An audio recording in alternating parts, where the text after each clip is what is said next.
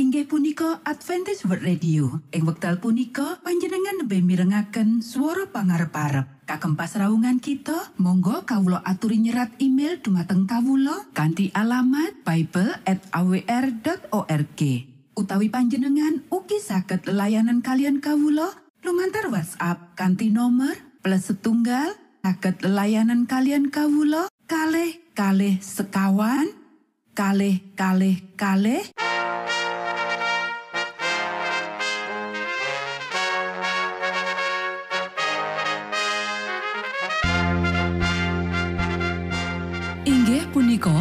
Adventist World Radio ingkang giaran kanthi basa Jawi.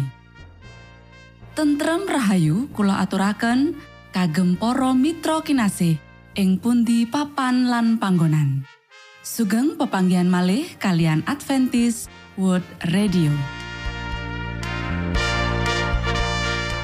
Kanti bingahing manah Kulo badhe sesarengan kalian para mitra kinasih lumantar saperangan adicara ingkang sampun rinonci mligi kagem panjenengan sami. Mugi giaran punika saged migunani tuwin dados berkah kagem kita sedaya. Sugeng midhangetaken Gusti amberkahi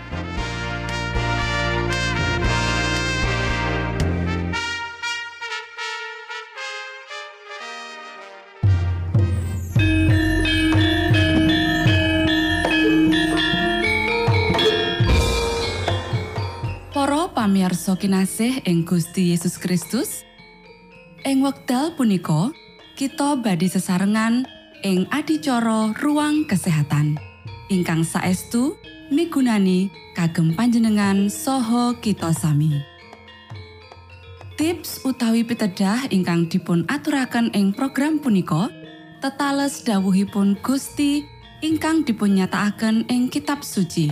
Semanten ugi sakehing seratan ingkang dipun wangsitaken dening Gusti Allah. Nanging saderengipun, monggo kita sami midhangetaken kidung pujian.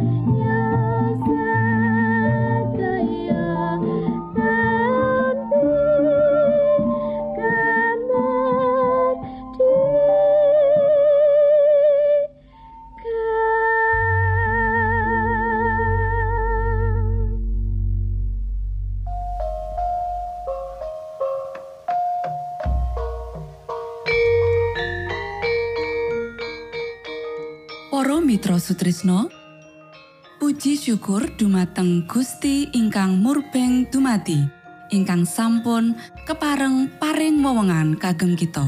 Satemah saged nglajengaken ruang kesehatan.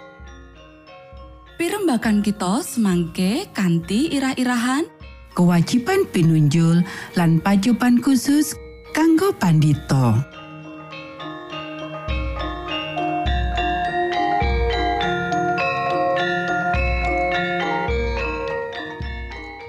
Dumateng para pamiarsa ingkang dahat kinurmatan, sugeng pepanggian malih kalian kula Isti Kurnaidi ing adicara ruang kesehatan. Ing dinten punika kanthi irah-irahan kewajiban pinunjul lan pacoban khusus kanggo pandito. Para sedherek ingkang kinasih, akeh wong gawa menyang papan perkemahan panganan sing papar pisan ora cocok kanggo kumpulan kaya mengkono. Kueh-kueh mewah lan saperangan jenis panganan sing bakal ngrusak pencernaan sawijining juru karya sing sehat. Mesti wae sing paling apik uga ora saklawase apik kanggo para pandito. Warga pasamuan ngirim panganan iki menyang meja nedane utawa ngundang para pandito menyang meja nedane. Sakjroning bab iki, para pandito kagodha kanggo mangan kakean yaiku panganan sing bebayani. Tutu mung kewasisane sing kurang ing perkemahan iku, dheweke bakal nandang gangguan pencernaan. Para sederek, pandito kudu ngurangi kraman iki senajan katone dheweke dadi kurang sopan. Mugi warga pasamuan ngurangi kapecikan ati kaya iku kanggo panditane. Dheweke salah menawa dheweke nggodha pandito kanggo mangan panganan sing ora nyehatake. Kanti mangkono, akeh keterampilan aji kang ilang sakjroning pakaryaning Gusti. Akeh maneh sing sanadyan dheweke isih urip nanging wis kelangan separo saka tenaga pikirane. Ing sandure kabeh iku, para pandito kudu ngirit tenaga otak lan syaraf. Dheweke kudu ngendani kabeh jenis panganan lan omben-omben sing condong ganggu utawa ngrangsang syaraf. Gangguan syaraf sing dieloni dening depresi lan pemanjaan sing kakean bakal ngapusi otak nganti pikiran dadi buntu banjur metu kabingungan. Ora ana wong sing bisa dadi juru karya sing kasil sakjroning perkara rohani kejaba dheweke melu pertarakan kenceng ing bab pakulinan menu panganan. Gusti Allah ora bakal numedhakake Sang Roh Suci marang wong-wong sing mangerteni kepiye dheweke kudu mangan kanggo kesehatan nanging isih melu cara sing bakal ngringkehake badan lan pikiran. Kanthi ilham Roh Allah, Rasul Paulus nyerat, "Apa wae sing kowe tindakake, sanadyan bab mangan lan ngombe, kudu ditindakake kagem kaluhurane Gusti Allah tutu maremake sawijining selera sing salah nanging sakjroning rasa tanggung jawab. Saben perangan badan manungsa kudu diayomi. Kita kudu waspada supaya apa sing dilebokake menyang sakjroning weteng aja ngringkehake pikiran suci lan murni. Apa ora aku bisa nglakoni apa sing nyenengake atiku? Ya iku sing ditakokake dening pirang-pirang wong kaya-kaya aku nahanake bab sing becik saka dheweke. Kamangka aku menganjurake cara mangan sing wicaksana supaya nyelarasake pakulinane marang angger-anggering Gusti Allah sing wis ditetepake. Saben wong duweni hak asasi. Kita dewe-dewe duweni pribadi lan identitas kita dewe. Ora ana wong sing gelem ngimblesake identitase ing sakjroning wong liya. Kabeh wong tumindak selaras karo swara atine dhewe. Ngenani tanggung jawab lan pengaruh kita sing diberkahi Gusti Allah kaya dene urip kita wiwit saka panjenengane. Iki ora kita entuki saka manungsa, nanging mung saka Gusti Allah. Kita ya iku kagungane adhedhasar pangriptan lan panebusan. Badan kita dudu duweke kita dhewe sing bakal kita lakokake sapenake kita kanggo ngrusak iku kanthi pakulinan sing merosot nganti ora mungkin kanggo kita kanggo ngaturake pelatosan sing sampurno marang Gusti Allah urip lan pikiran kita ya iku kagungane. Menawa kita dijarke nglakokake dhewe sadetik wae, kita bakal mati. Kita sakwutuhe kumantung marang Gusti Allah. Matur nuwun, Gusti amberkahi.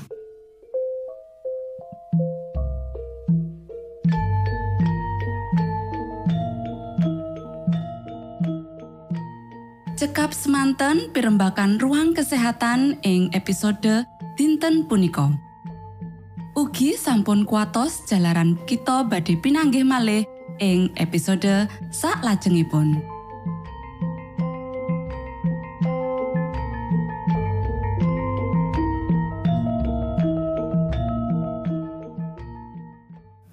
Punika adicara ruang kesehatan.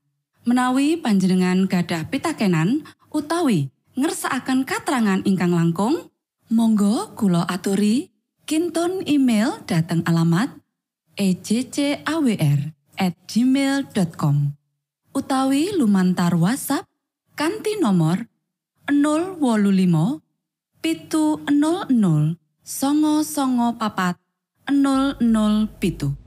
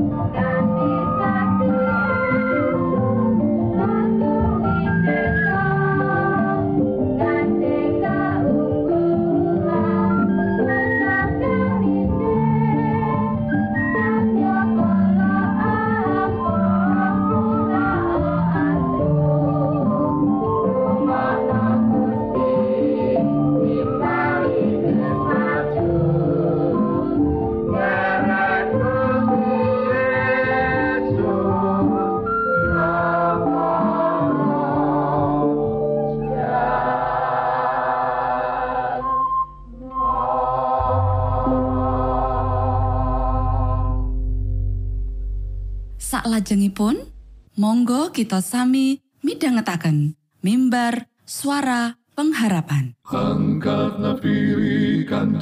pawarto Sang Kristus paderamu.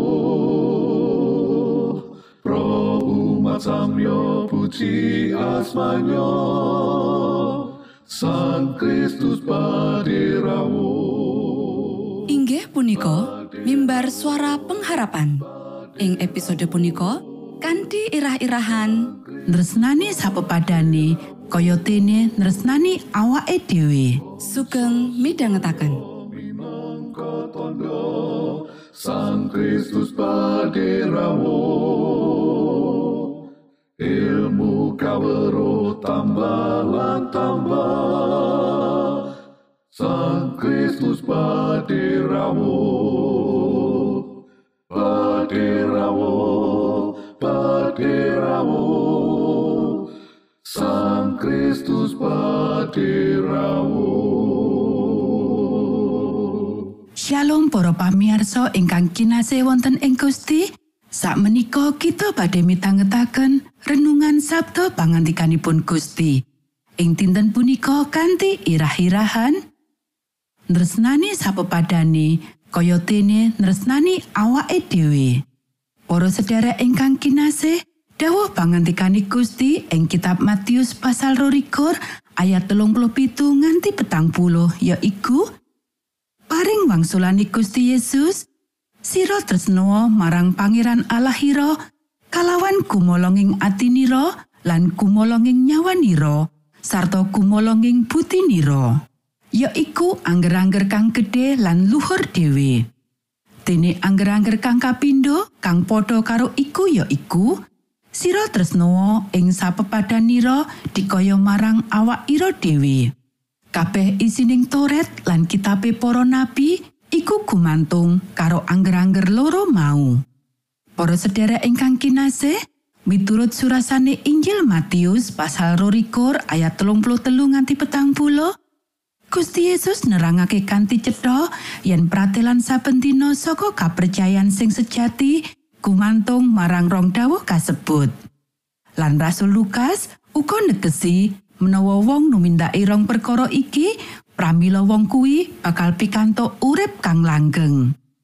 Para sederek, katresnan minangka dasaring prinsip pamrentahan Gusti Allah ing swarga lan ing bumi, sarta iku kudu dadi dasar budi pakerti umating Gusti Allah.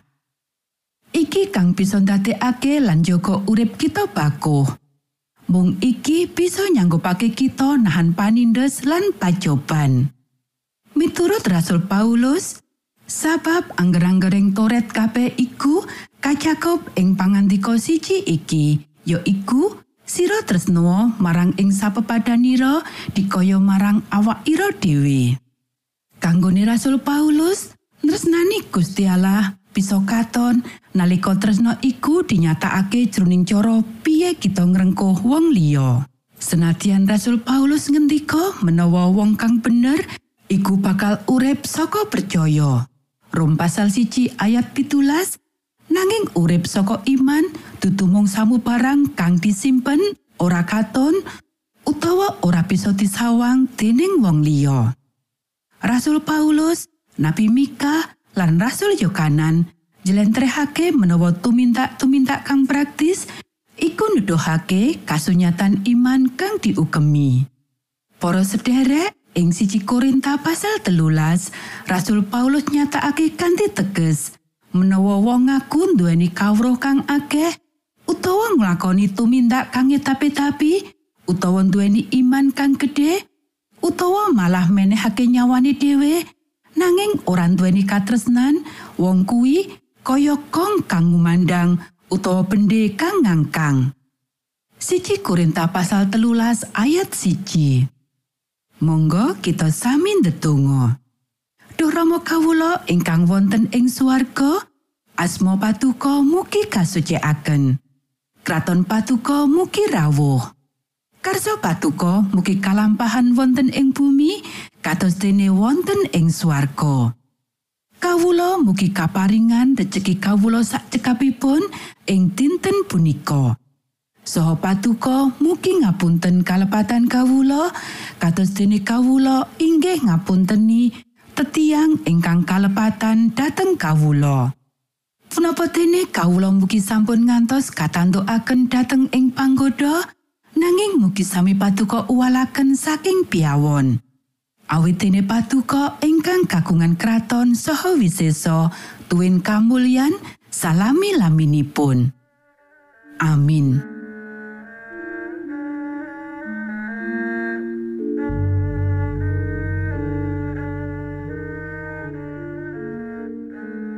Mitra Sutrisno pamiarsa kinasih ing Gusti Yesus Kristus. Sampun paripurno pasamuan kita ing dinten punika. Menawi panjenengan gadah pitakenan utawi ngersaakan seri pelajaran Alkitab suara nubuatan Monggo Kulo aturi kinton email dateng alamat ejcawr gmail.com utawi lumantar WhatsApp kanti nomor 025 pitu 00 songo songo papat 00 pitu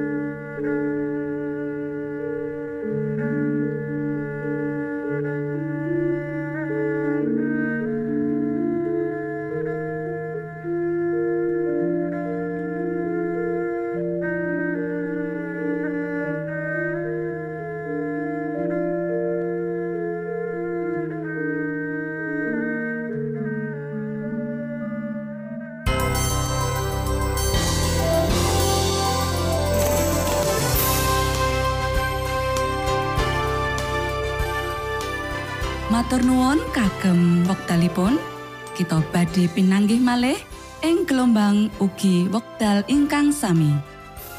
Saking studio kula ngaturaken tentrem rahayu. Gusti amberkahi kita sedaya. Maranata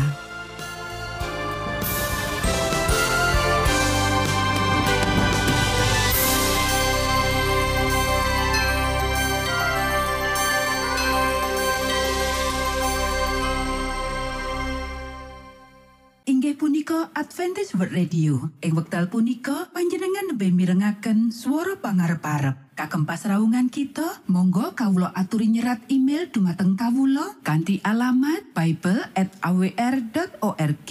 Utawi panjenengan ugi saged layanan kalian kawulo lumantar WhatsApp kanthi nomor plus setunggal saged layanan kalian kawulo kalih kalih sekawan kalih kalih kalih